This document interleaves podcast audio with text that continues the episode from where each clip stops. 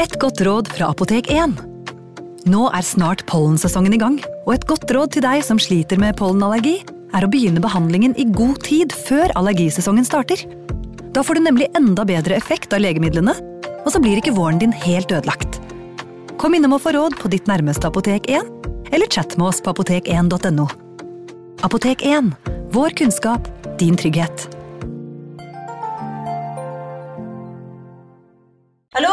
Jeg kommer fra Oslo politikammer. Ine Jansen er purk. Er du purk? The motherfucking bitch. Alt jeg vil, er å finne ut hva som skjedde med mannen min. Jon Carew. Er jeg sikta for noe? Iben Akeli. Det er du. Ole So, Lars Berrum og Big Daddy Karsten. Hvem sin side er du på, egentlig? Anette Hoff, Tone Danielsen, Kommer du fra Afrika? Jørnis Josef, Nesten kløfta. Trond Espen Seim, Det er synd å si det, men det var feil mann som døde. Purk. Premiere tirsdag på TV2 Play. Ungsamtalen fra DNB er økonomisk veiledning tilpasset deg som er ung. Bokk en ungsamtale på dnb.no. slash ung. Det er kjempebra hvis du skal inn på boligmarkedet, hvis det er drømmen din, liksom. Det er det du skulle sagt. Og så kunne du ropt litt mer, da, sånn som jeg gjorde. Bam! Advarsel. Denne podkasten inneholder skildringer av ekte drap og kriminalsaker som kan være støtende for enkelte. Det advares også mot sterke inntrykk i deler av episoden. I forrige ukes episode fortalte jeg om en veldig ny sak hvor ofrene ikke hadde vært døde i mer enn et halvt år. Noe uvanlig var det kanskje, men historien måtte fortelles. Derfor, som en slags kompensering om du vil, er denne episodens mordhistorie fra langt, langt tilbake i tid. Vi skal så langt tilbake som til 1500-tallets Ungarn, hvor en kvinne forsøkte å slukke sin umettelige blodtørst. Det er ingen barn med i denne episoden, men unge kvinner og menn som møtte en skjebne kanskje verre enn døden i seg selv, i form av horribel tortur. Berettelsene om Elisabeth Batoris herjinger høres nesten ut som påfunn, så brutale de er. Noe av det jeg skal fortelle om, vet vi med relativt stor sikkerhet at skjedde. Andre hendelser kan komme av rykter og sagn fra folk som ville skremme barna sine med den grusomme grevinnen. Historien er ikke for de lettskremte, men jeg håper likevel dere finner den fascinerende. Med en beskjeden advarsel om grafiske detaljer, velkommen til True Crime-podden.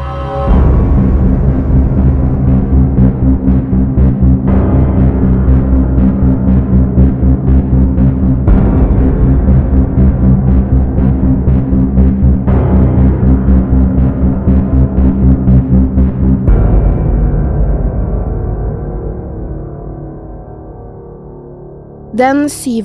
august 1560 ble adelskvinnen Elisabeth Batory født. Hun var datter av en fornem offiser og en grevinne, og tilhørte slekten Batory, som styrte Transilvania, som ligger i dagens Romania. Elisabeth vokste opp sammen med sine søsken på et stort slott, hvor hun hadde tjenere, fine klær og så mye mat og leker hun kunne ønske seg. Elisabeth fikk gå på de beste skolene og snakket latin, tysk og gresk flytende i tillegg til ungarsk. Hun var niesen til kongen av Polen, storhertugen av Litauen og prinsen av Transilvania. Det var lenge bestemt at Elisabeth skulle giftes bort til en mann av samme rang som hennes innflytelsesrike familie, og allerede som lite barn begynte foreldrene hennes å se etter en passende ektemann for datteren sin, både av økonomiske og politiske grunner. Elisabeth var et barn med livlig fantasi og elsket å leke krig med dukkene sine. Foreldrene hennes var fetter og kusine, og Elisabeth slet med helseproblemer, muligens pga. at foreldrene var så nært beslektet. Hun hadde epilepsi og fikk alvorlige epilepsianfall hvor hun skadet særlig hodet sitt hvis hun falt i gulvet og ingen var der til å passe på henne. Hun slet med svimmelhet og kvalme, og som en måte å prøve å kurere anfallene hennes, sendte foreldrene Elisabeth til en doktor som anbefalte å smøre blod på leppene hennes. Blod fra en som ikke led av epilepsi. Derfor måtte flere i tjenestestaben kuttes i fingre eller armer, så Elisabeth kunne behandles, og hun fikk gjerne velge hvem i tjenestestaben som kunne gi henne blodet sitt. I datidens Ungarn, så vel som i resten av verden, var offentlige henrettelser en del av hverdagen. Lille Elisabeth, sammen med søsknene sine, fikk overvære henrettelsene, og Elisabeth klappet i hendene og lo da fangene ble drept. Det så ut til at hun likte å se vold og drap. Hun spurte gjentatte ganger om å få se på hvis noen av familiens tjenere skulle straffes, og det fikk hun lov til. Faren hennes, offiser som nevnt, mente at det ville gjøre henne tøffere.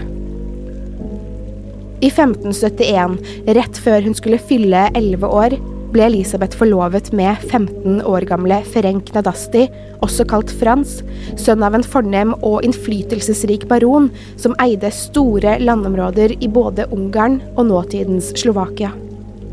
Selv om Batori-familien var av høyere rang politisk, var Nadasti-familien enda rikere enn Elisabeths familie, og et smart trekk for å kunne kontrollere større landområder enn før. Først ønsket ikke Elisabeth å gifte seg, men hun hadde ingen rett til å motsi avgjørelsen. I tiden som forlovede studerte Frans Nadasti i Wien, mens Elisabeth gjorde ferdig skolegangen hjemme i Ungarn. Men det var ikke bare skolegang, vold og tortur som opptok den unge Elisabeth. Hun hadde begynt å snakke med en tjenestegutt og forelsket seg i han. Som 13-åring var Elisabeth gravid. En skandale, da kvinner skulle være urørte til den dagen de giftet seg, og i hvert fall ikke føde uekte barn. Faren hennes var rasende og moren svært skuffet. Men Elisabeth bar frem barnet og fødte i all hemmelighet hjemme på slottet. Barnet ble adoptert bort samme natt det ble født, og Elisabeth fikk streng beskjed om å aldri nevne det igjen. Tjenestegutten som gjorde Elisabeth gravid, fikk den verste straffen. Han ble dømt til døden, men før han skulle henrettes, ble han kastrert uten noen form for bedøvelse. En bøddel kuttet av han kjønnsorgan og testikler før han blødende ble hengt etter armene langs en steinvegg i et av slottets utegårder, så hundene kunne spise han.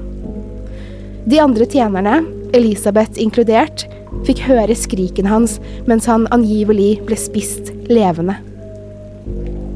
To år senere, som 15-åring, giftet Elisabeth seg med Frans Nadasti, ferdig utdannet offiser og på vei til å ta over som greve etter faren.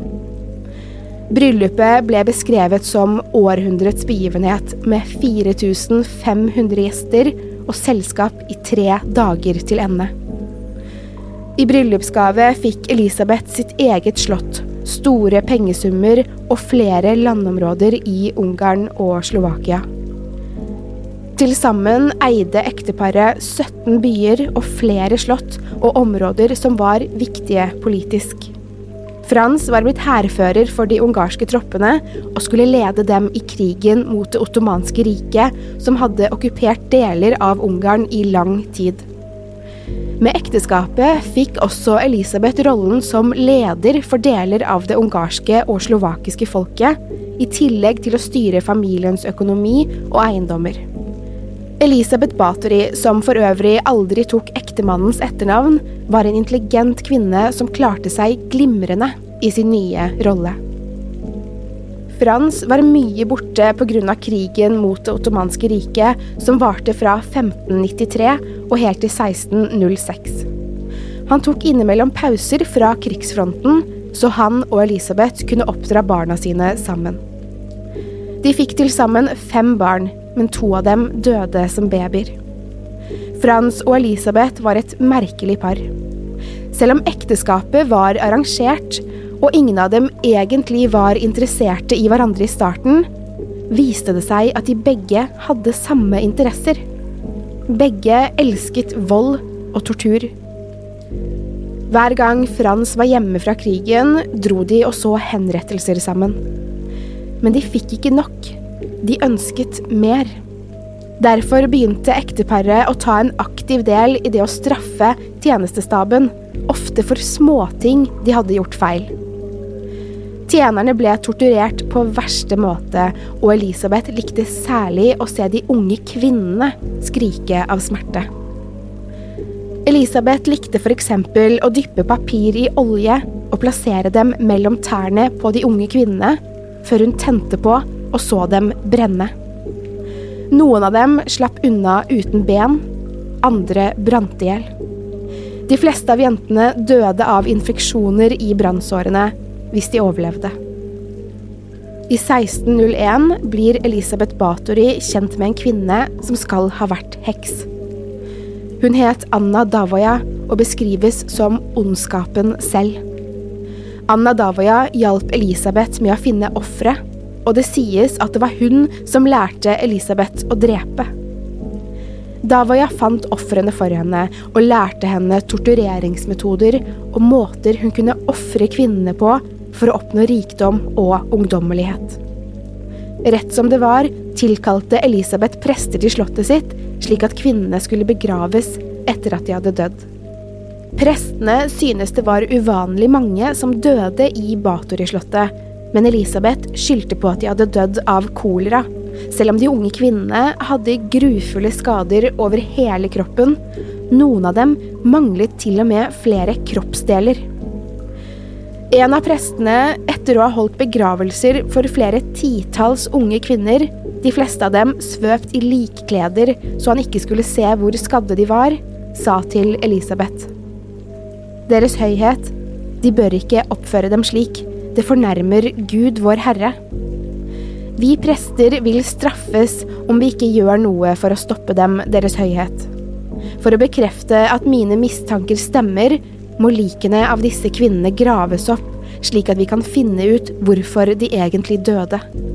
Først da vet vi med sikkerhet hva de egentlig døde av. Dette var ment som en trussel mot Elisabeth, og hun tok det som akkurat det. Hun ble rasende og gikk rett til ektemannen sin Frans og kommanderte han til å ordne opp for henne. Frans snakket med presten og ryktet sier at presten fikk mange penger for å ikke fortelle sine mistanker videre. Han lovet å ikke rapportere Elisabeth, men ga dem råd om å stoppe det de drev med. Under vinteren 1603 er Frans blitt veldig syk.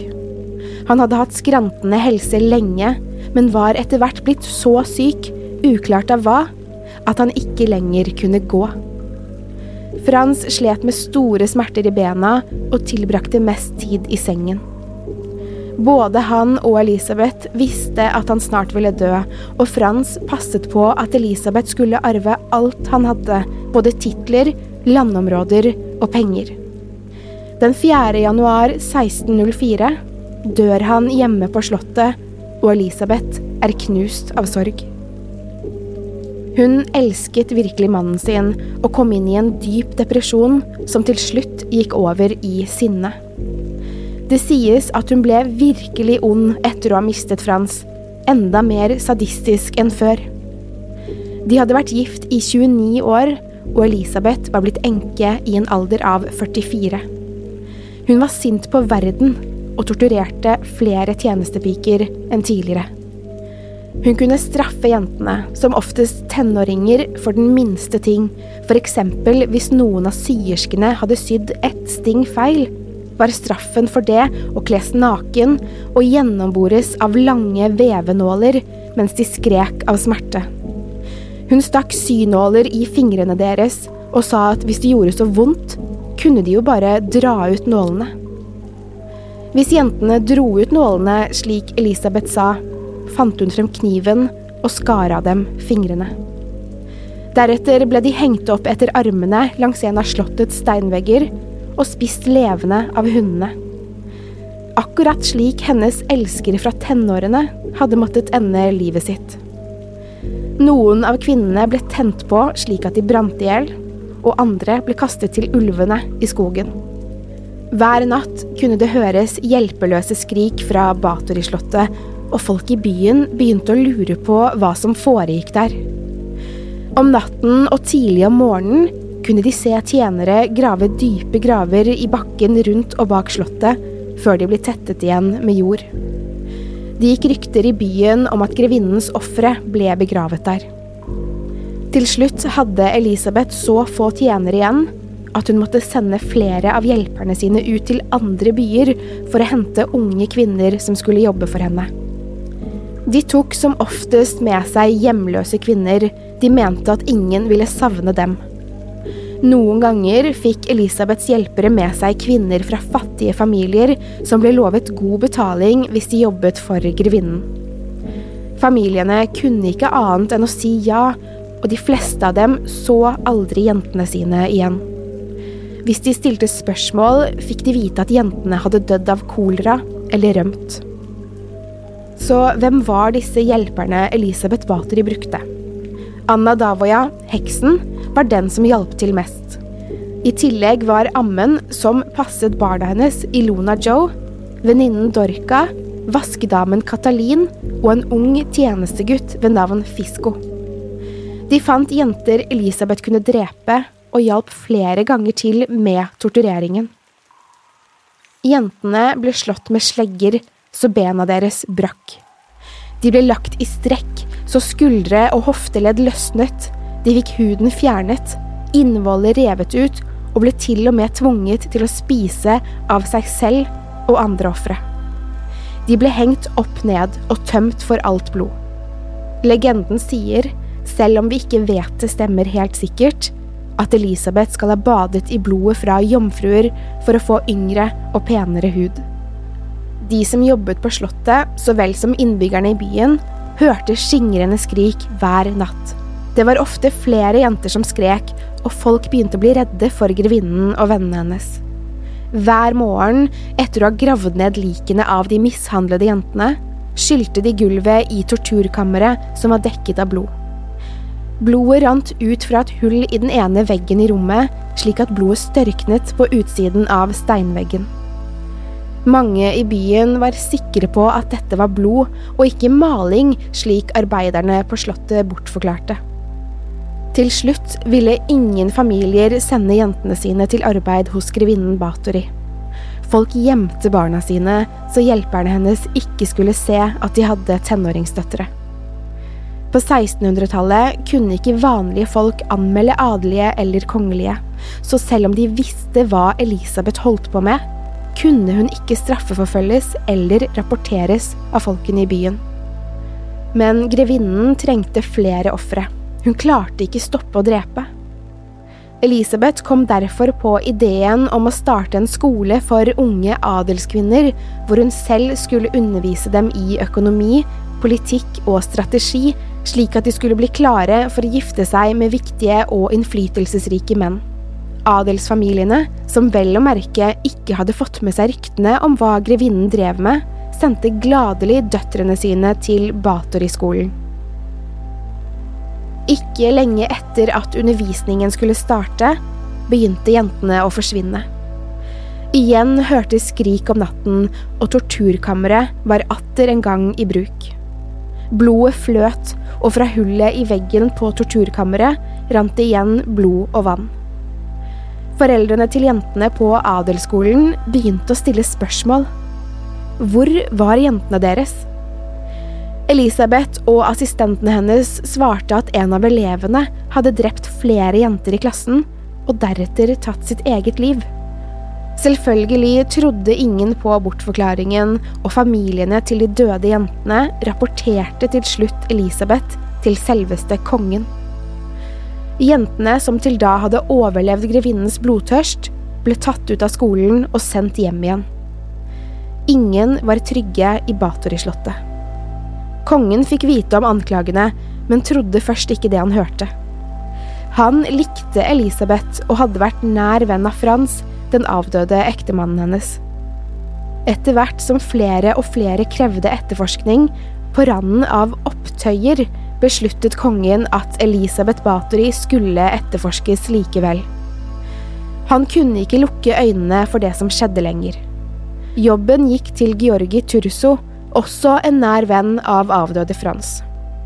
Georgi trodde heller ikke på anklagene først, men gjorde som kongen befalte, og satte seg ned og hørte på historiene fra adelsfamiliene som hadde mistet døtrene sine. Jentene som hadde overlevd, forklarte at de ble slått, sultet og truet med å bli drept om de avslørte hva som skjedde på skolen. Hver natt hadde Fisko, tjenestegutten, og Dorka, venninnen til Elisabeth, kommet inn i sovesalen og hentet tre-fire jenter. Jentene som ble hentet, så de aldri igjen, men elevene hørte skrikene deres, så høye at de ikke kunne sove. Jentene hadde fryktet for livet sitt hver eneste dag. Georgi forsto at dette var alvorlig. Han hadde også hørt ryktene om jentene i byen som hadde forsvunnet, og snakket med vitner der også. Han hørte om massegravene i slottsgården og inviterte seg selv på middag til Elisabeth for å undersøke nærmere. Da han så det som kunne være tegn til massegravene, visste han at han måtte gjøre noe. Før han avla rapporten til kongen, reiste han til Elisabeth Batoris egen familie og fortalte hva han hadde hørt. Familien hennes, særlig broren, forsto alvoret med en eneste gang.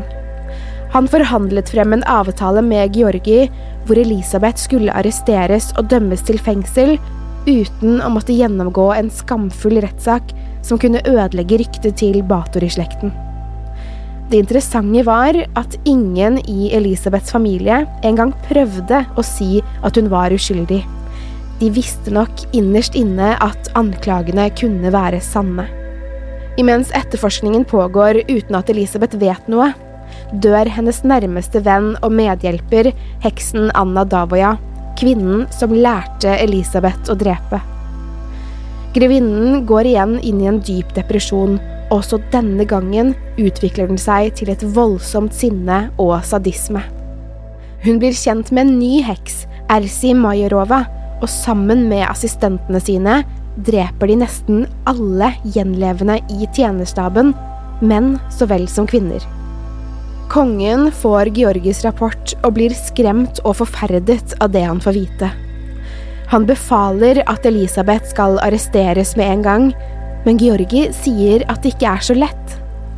De har bare vitneutsagn, ingen konkrete bevis mot Elisabeth.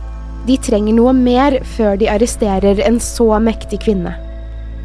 Kongen og Georgi sender derfor brev til Elisabeth og spør om å få komme på middag. De er selvfølgelig hjertelig velkomne, svarer grevinnen. Desember 1610. Under middagen i Bathory-slottet konverseres det hyggelig ved bordet. De spiser kjøtt og grønnsaker og drikker vin. Elisabeth snakker mye og ler nervøst, som om hun vet om mistankene mot henne.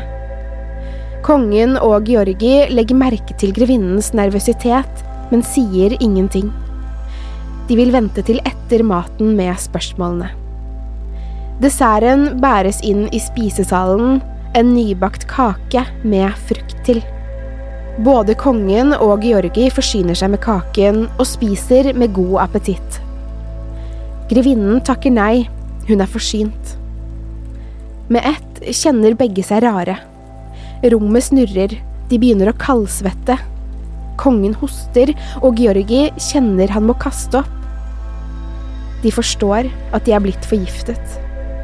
Elisabeth prøver å rydde dem av veien, hun vet grunnen til besøket. Raskt reiser de seg fra bordet og går mot døren. De vil ikke være i Batori-slottet lenger. Georgi og kongen blir veldig syke, men begge klarer seg.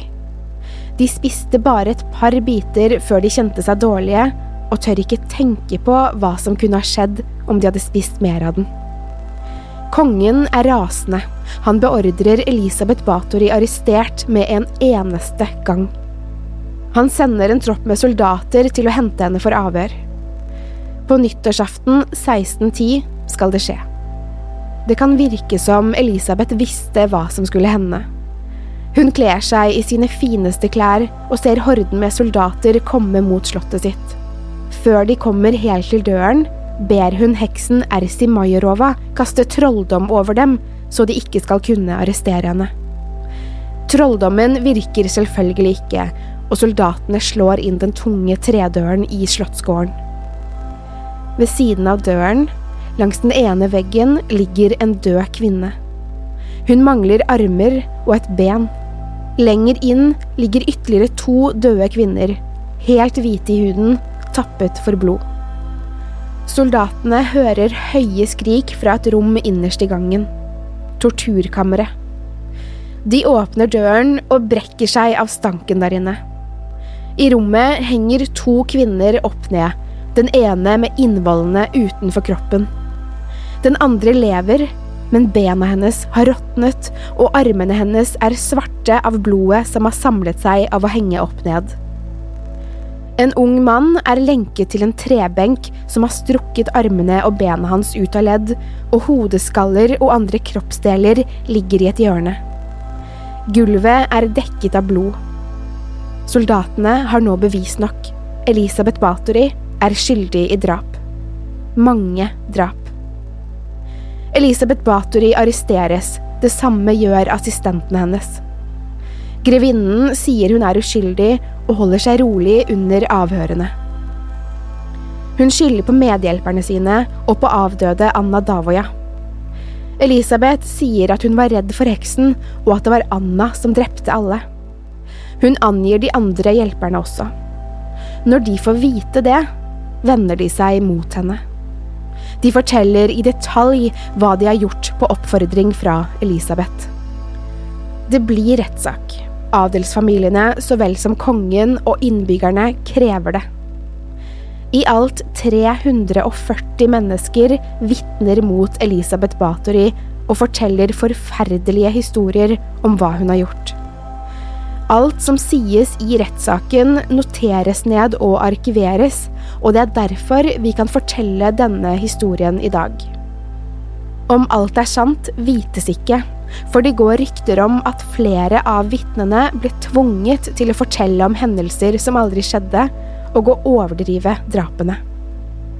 I januar 1611 dømmes Elisabeths medhjelpere én etter én. Dorka og Ilona Joe dømmes til døden. De tortureres før henrettelsen for å kjenne hva ofrene deres gikk gjennom i sine siste timer i livet. Fingrene deres blir dratt ut med en glødende jerntang før de blir kastet på bålet og brent i hjel. Fitzko, den unge tjenestegutten, blir skånet torturen av hans unge alder og halshugges på torget til tilrop fra befolkningen. Hodet hans settes på stake, og kroppen henges opp i et tre. Katalin, den snilleste av dem, som noen ganger skal ha matet fangene, blir skånet dødsdommen og dømmes til livstid i fengsel. Og Elisabeth? Georgi, kongens hjelper, hadde lovet Batori-familien at det ikke ble noen rettssak mot henne. Hun vitnet ikke engang. Kvinnen, som sies å ha torturert og drept mellom 80 og 650 mennesker, dømmes til livstid i fengsel. Hun sendes rett til fangehullet, der hun skal tilbringe resten av livet sitt. Folk var rasende. Det var jo Elisabeth Bathory de ville ha straffet. Selv om det blir store protester i byen, opprettholdes dommen på ordre fra kongen selv, og Elisabeth bor i et fangehull istedenfor slottet sitt. Heldigvis kan hun ikke drepe flere mennesker. Presten, som en gang hadde advart Elisabeth mot å drepe, besøker henne i fengselet en dag. Han ville se henne en siste gang. Han har noe å si til henne. Du lever i dine siste måneder. Du fortjener ikke å puste luften på jorden eller å se Herrens lys. Du skal forsvinne fra denne verden og aldri komme tilbake. Nå som skyggene omslutter deg, skal du reflektere over ditt bestialske liv. Den 21. august 1614 har Elisabeth sittet noen år i fengsel. Hun er blitt tynn og sykelig og snakker med seg selv. Vaktene tror hun er blitt gal, der hun prøver å kaste trolldom over dem om de ikke gjør som hun befaler. Denne dagen klager hun over at hun er så kald på hendene. Hun gråter og spør den ene vakten om råd. Vakten, som er lei av grevinnens klaging, råder henne til å legge seg ned litt og hvile. Elisabeth Bathory gjør som vakten sier. Hun lukker øynene og våkner aldri igjen. Den blodtørstige grevinnen er død. Liket av Elisabeth Bathory begraves utenfor slottet hennes, men folkene i byen lar ikke graven hennes være. De tisser og spytter på graven hennes og kaster råtten mat på gravsteinen. Elisabeths familie bestemmer seg for å flytte liket hennes til familiegraven nær slottet der hun vokste opp. I flere hundre år ligger hun der. I 1995 åpnes graven av arkeologer. De vil forske på liket og prøve å finne ut hva hun døde av. Graven til Elisabeth Bathory er tom. Ingen vet hva som skjedde med liket, og ingen vet om hun faktisk døde den dagen, eller levde videre og drepte flere. Historien om Elisabeth Bathory er grusom, forferdelig. Selv om det vitnene fortalte i rettssaken ble skrevet ned, tror mange at det hele var et komplott mot grevinnen, og at hun egentlig aldri drepte noen selv, for mange av vitnene skal, som nevnt, har blitt truet til å vitne mot henne, til og med medhjelperen hennes. Men hvis historien stemmer, er hun en av verdens verste seriemordere. True Crime-podden forlater vakre Ungarn for denne gangen, og vender nesen mot nye destinasjoner og enda flere mordhistorier. Og hvis du er som meg og i tillegg til true crime interesserer deg for skrekk og skumle historier, vil jeg tipse om min og Jim Fosheims nye podkast Skrekkpodden. Den kommer overalt der du hører podkast. Som vanlig legger vi ut bilder fra episoden på vår Instagram-konto som heter True Crime Norge. Vi høres igjen neste uke. Til neste gang, pass på deg selv, og takk for at du har hørt på True Crime-podden.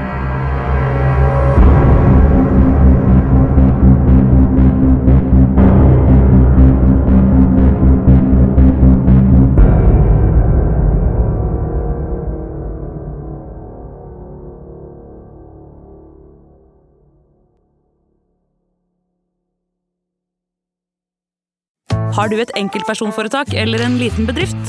Da er du sikkert lei av å høre meg snakke om hvor enkelt det er med kvitteringer og bilag i fiken, så vi eh, gir oss her, vi. Fordi vi liker enkelt. Fiken superenkelt regnskap. Hei! Takk for at du lytter til True Crime Podden. Skulle du ønske at du kunne høre en ny episode av denne podkasten hver eneste uke? Vel, da er det bare å laste ned podkastappen Untold med en gang.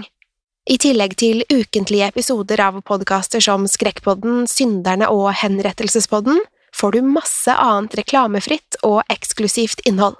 Last ned Untold i AppStore eller Google Play, og start din 30 dagers prøveperiode i dag.